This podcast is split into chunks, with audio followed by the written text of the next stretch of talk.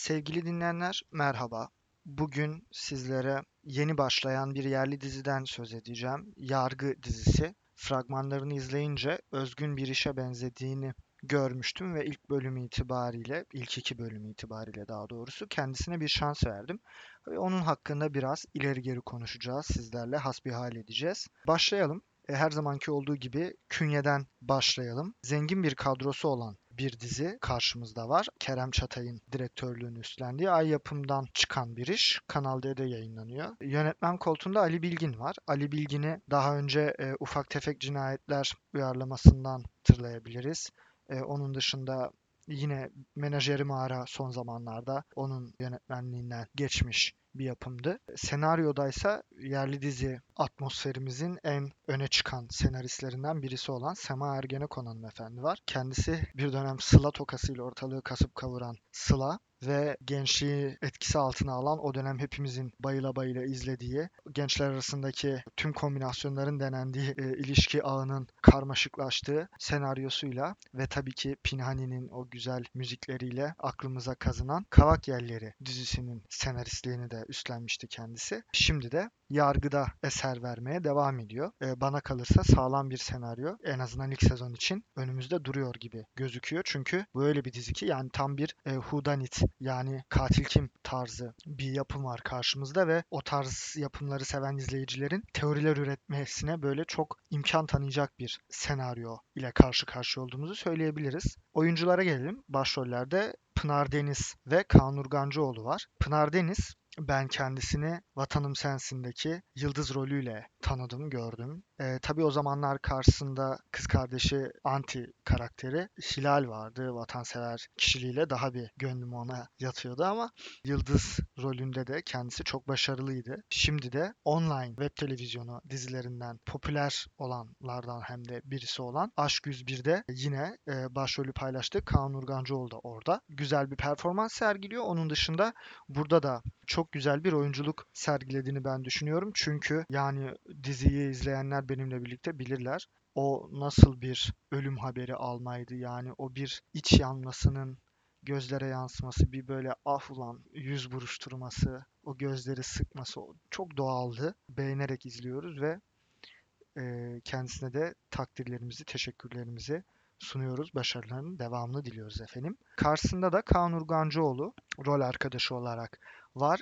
Kendisini daha önce kötü adam rollerinde çok izledik ve e, örneğin en son e, Kara Sevda dizisinde çok öne çıkan böyle sivri bir kötü karakteri vardı ve o kötü karakterinin de kendine has özellikleri vardı. Dizide sırf oradaki kötü adam Emir için ekran karşısına bağlayan bir unsur da oluşturuyordu bir yandan. Onun dışında Osmanlı polisiyesi tarzında bir TRT'de Filinta e, yine orada bir kötü adam rolünde kendisini izlemiştik. Bu biliyorsunuz e, Hayko Cepkin'in sunumuyla bir acayip hikayeler uyarlaması yapılmıştı. Orada yine çok farklı bir kötü karaktere hayat vermişti ve tabii ki Leyla ile Mecnun yani şimdi yeniden başladı ama aynı tadı veriyor mu vermiyor onu da başka bir zaman daha detaylı konuşuruz. Çok farklı düşüncelerim var yeni Leyla ile Mecnun hakkında. Biz o aşina olduğumuz ilk göz ağrımız Leyla ile Mecnun'dan bahsedelim. Orada Berkcan karakterine hayat veriyordu. Bir hayal kırıklıkları müzesi bölümü falan vardır.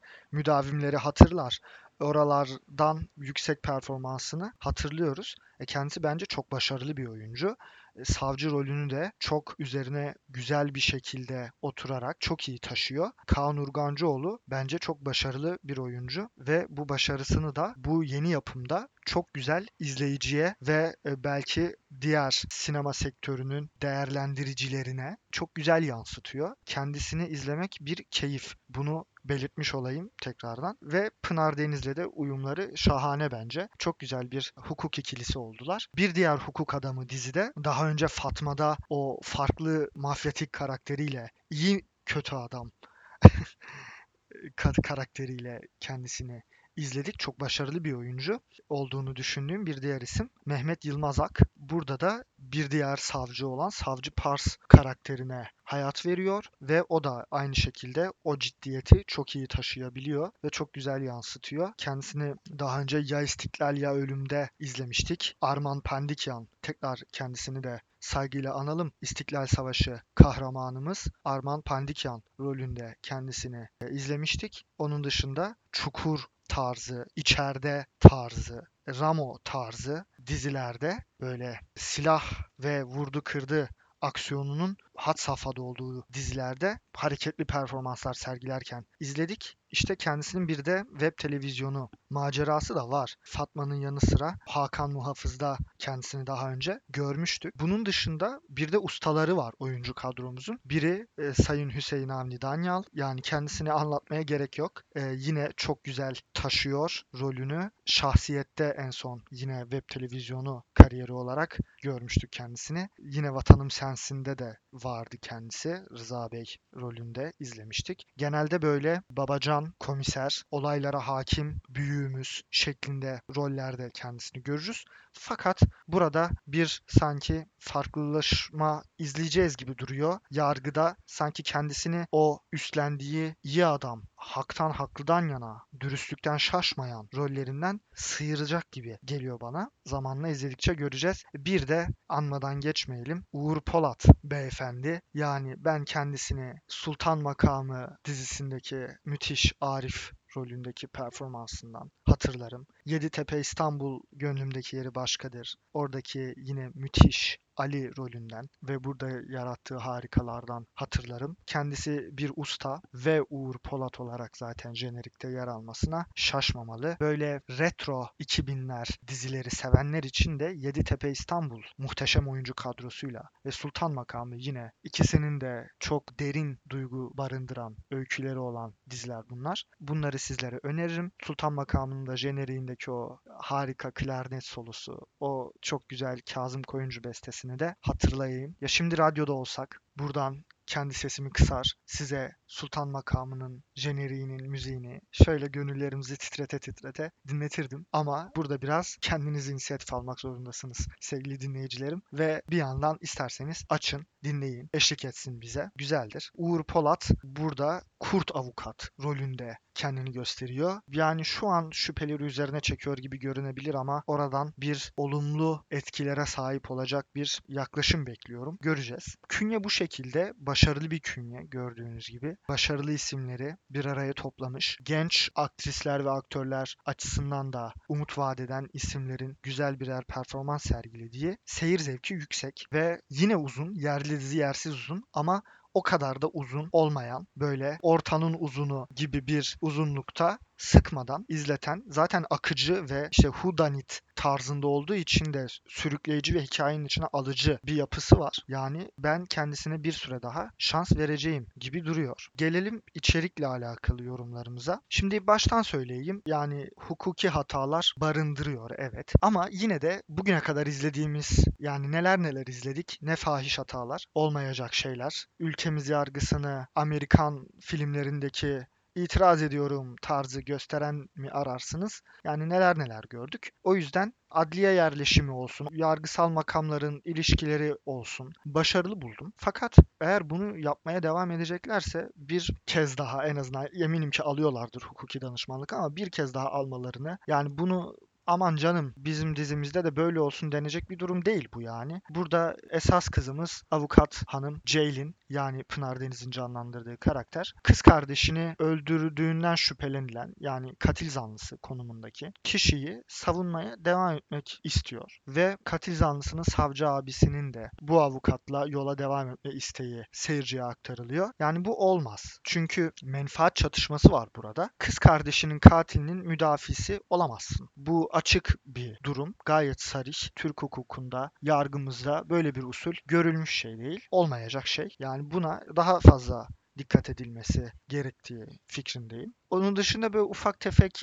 çekimsel hatalar da gözüme çarptı. Yani örneğin bazen açılar iyi ayarlanamamış. Dar alanlarda özellikle küçük odalarda bir garip e, mekanı iyi kullanamamaktan ileri gelen ya da bazen açık hava çekimlerinde ilginç böyle İETT otobüsü geliyor. Yolun ağzında böyle kaldırım desen dört yol ağzı gibi ortalık yerde durup yolcu indiriyor. Yani bu olmaz. Durak yok, bir şey yok. Sırf geniş geniş çekebilmek için yolun ağzında durutamazsınız otobüsü yani. Böyle sıkıntılar gözüme çarptı ama ne de olsa bu bir quality TV değil. Ulusal yayın yapan bir e, popüler TV kanalı. AB'ye de değil, totale hitap eden bir yapım ortaya konmuş neticede. O yüzden bu tarz şeylere çok da takılamayız. Yani beklentiler tabii hakkaniyetli olmalı. Oyunculuklar iyi. Bunu dedim. Duygular çok iyi yansıtılıyor. Bunu yeniden vurgulamak istiyorum. Hani şüpheli sayısının çok olması böyle teoriler kurulmasına olanak veren bir yapısı var. Bu çok güzel. Benim çok hoşuma giden ama şu sahne vardı. Tabii çöp kutusun yani bunlardan bahsetmek bile içimi acıtıyor.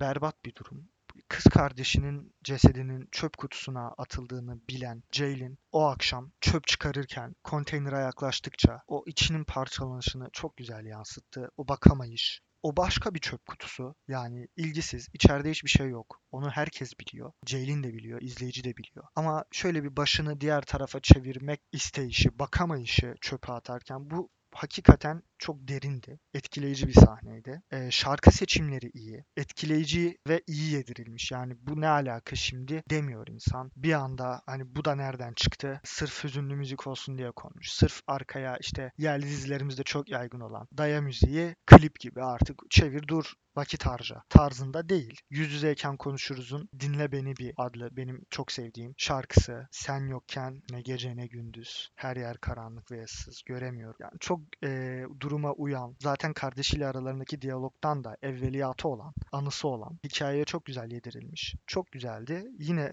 radyoda olmayışımızın şimdi istasyonda olsak arkadan vereceğim şarkıyı. Zamanla ekipmanlarımız geliştikçe efendim radyo istasyonuna geçmesek bile podcastlerimizde bu teknik olan olanakları kullanacağız tabii ki size YouTube'a girip Spotify'a girip müzik açtırma zahmetinde bulundurmayacağım merak etmeyin. Beni dinlerken arkadan ben size o, o esnada fonda olması gereken müziği de kulaklarınıza iletiyor olacağım. Yine Salim Dündar Aman Ya Rabbi Aynalar şarkısı o kadar tam yerinde girdi ki yani harmanım ben harmanım diye Salim Dündar'ın o yanık o duygulu sesinden bunu da mutlaka dinlemenizi öneriyorum çok güzeldi. Çok başarılı bir şarkı seçimi. Kim ilgileniyorsa bunlarla helal olsun. Yani böyle bu şarkıyı bulup çıkarmak bir iş, bu bir başarı. Bu şarkıyı burada bu etkiyi yaratacağını öngörerek ilgili yerde kullanmak güzel bir sinematografik yaklaşım. Tebrik ediyorum. Bunun dışında evet dizi içi müzikler çok başarılı kullanılmış ama yani dizinin kendi tema müziği Hint dizilerindeki dan dan dan dan dan dan dan, gibi garip e, vokallerden aşina olduğumuz bir müzik. Bence sırıtıyor. Hiç yakın yakışmıyor. Yani o gerilimi aksiyonu vermeye çalışıyorlar belli ki ama bence sırıtıyor. Bitiş jeneriğinde dikkatimi çeken çok güzel bir şey vardı. Şarkılardan, kullanılan eserlerden söz etmişken. Yalnız bir replik olarak Attila İlhan'ın şiirinden birkaç kuple kullanıldı. Yani şiirin tamamı bile okunmadı. Birkaç dize yalnızca replik olarak kullandırıldı. Ama dizi biterken çoğu dizi bunu yapmaz. Yani şiirlerde alıntılar yaparlar, şiiri baştan sona okurlar, şarkıyı yazarlar. Kullandık telifi de şu, yorumlar yorumlayanı bu, söz yazarı bu diye ama şiiri alıntılamazlar. Bitiş jeneriğinde Attila İlhan'ın isminin yazması ince bir davranıştı. O bir bu kadar inceyken bir bu kadar da ya şimdi sahneyi birebir neden kullandınız dedirtecek kadar çiğ duran bir sahne vardı. O da şu Kislovski'nin renk üçlemesini bilirsiniz. Trois yani üç renk. Bleu yani mavi. Filmindeki meşhur o filmin en meşhur sahnesi yani Juliette Binoche çıkar duvara yumruğunu sürüye sürüye yürür. Birebir aynısını kullanmışlar. Pınar Deniz çıkar, elin duvara süre süre yürür. Bu bence yani esinlenme deseniz değil, selam çakma deseniz kim bilecek yani kim bilecekten yola çıkılarak etkileyici olduğu düşünülerek kullanılmış bir sahne gibi geldi bana. Çiğ durdu. Olmadı bence. Bu arada bu üç renk üçlemesini de şiddetle tavsiye ediyorum. Bir klasiktir. Belki izlemeyenleriniz vardır. Mutlaka ama mutlaka efendim izleyin. Julie Delpy'yi de burada analım. O da oyuncu kadrosuna yer alıyor. Çok başarılı bir hanımefendi. İkisine de hayranım. Juliette Binoche, Julie Delpy ve bu güzel üçlemenin yönetmeni Kislovski. Çok başarılı bir yönetmen mutlaka genel kültürünüze katkıları olur. Severek de izlersiniz. Çünkü çok üç renk üçlemesi. Farklı bir eser. Benden size naçizane bir tavsiye. Diyerek huzurlarınızdan ayrılayım efendim. Sizlerle yeniden hasbihal etmek bana çok güzel hissettirdi. Yeniden görüşmek dileğiyle dinleyen kulaklarınız kötü seslere denk gelmesin efendim. Hoşça kalın, sağlıklı kalın, hoş kalın.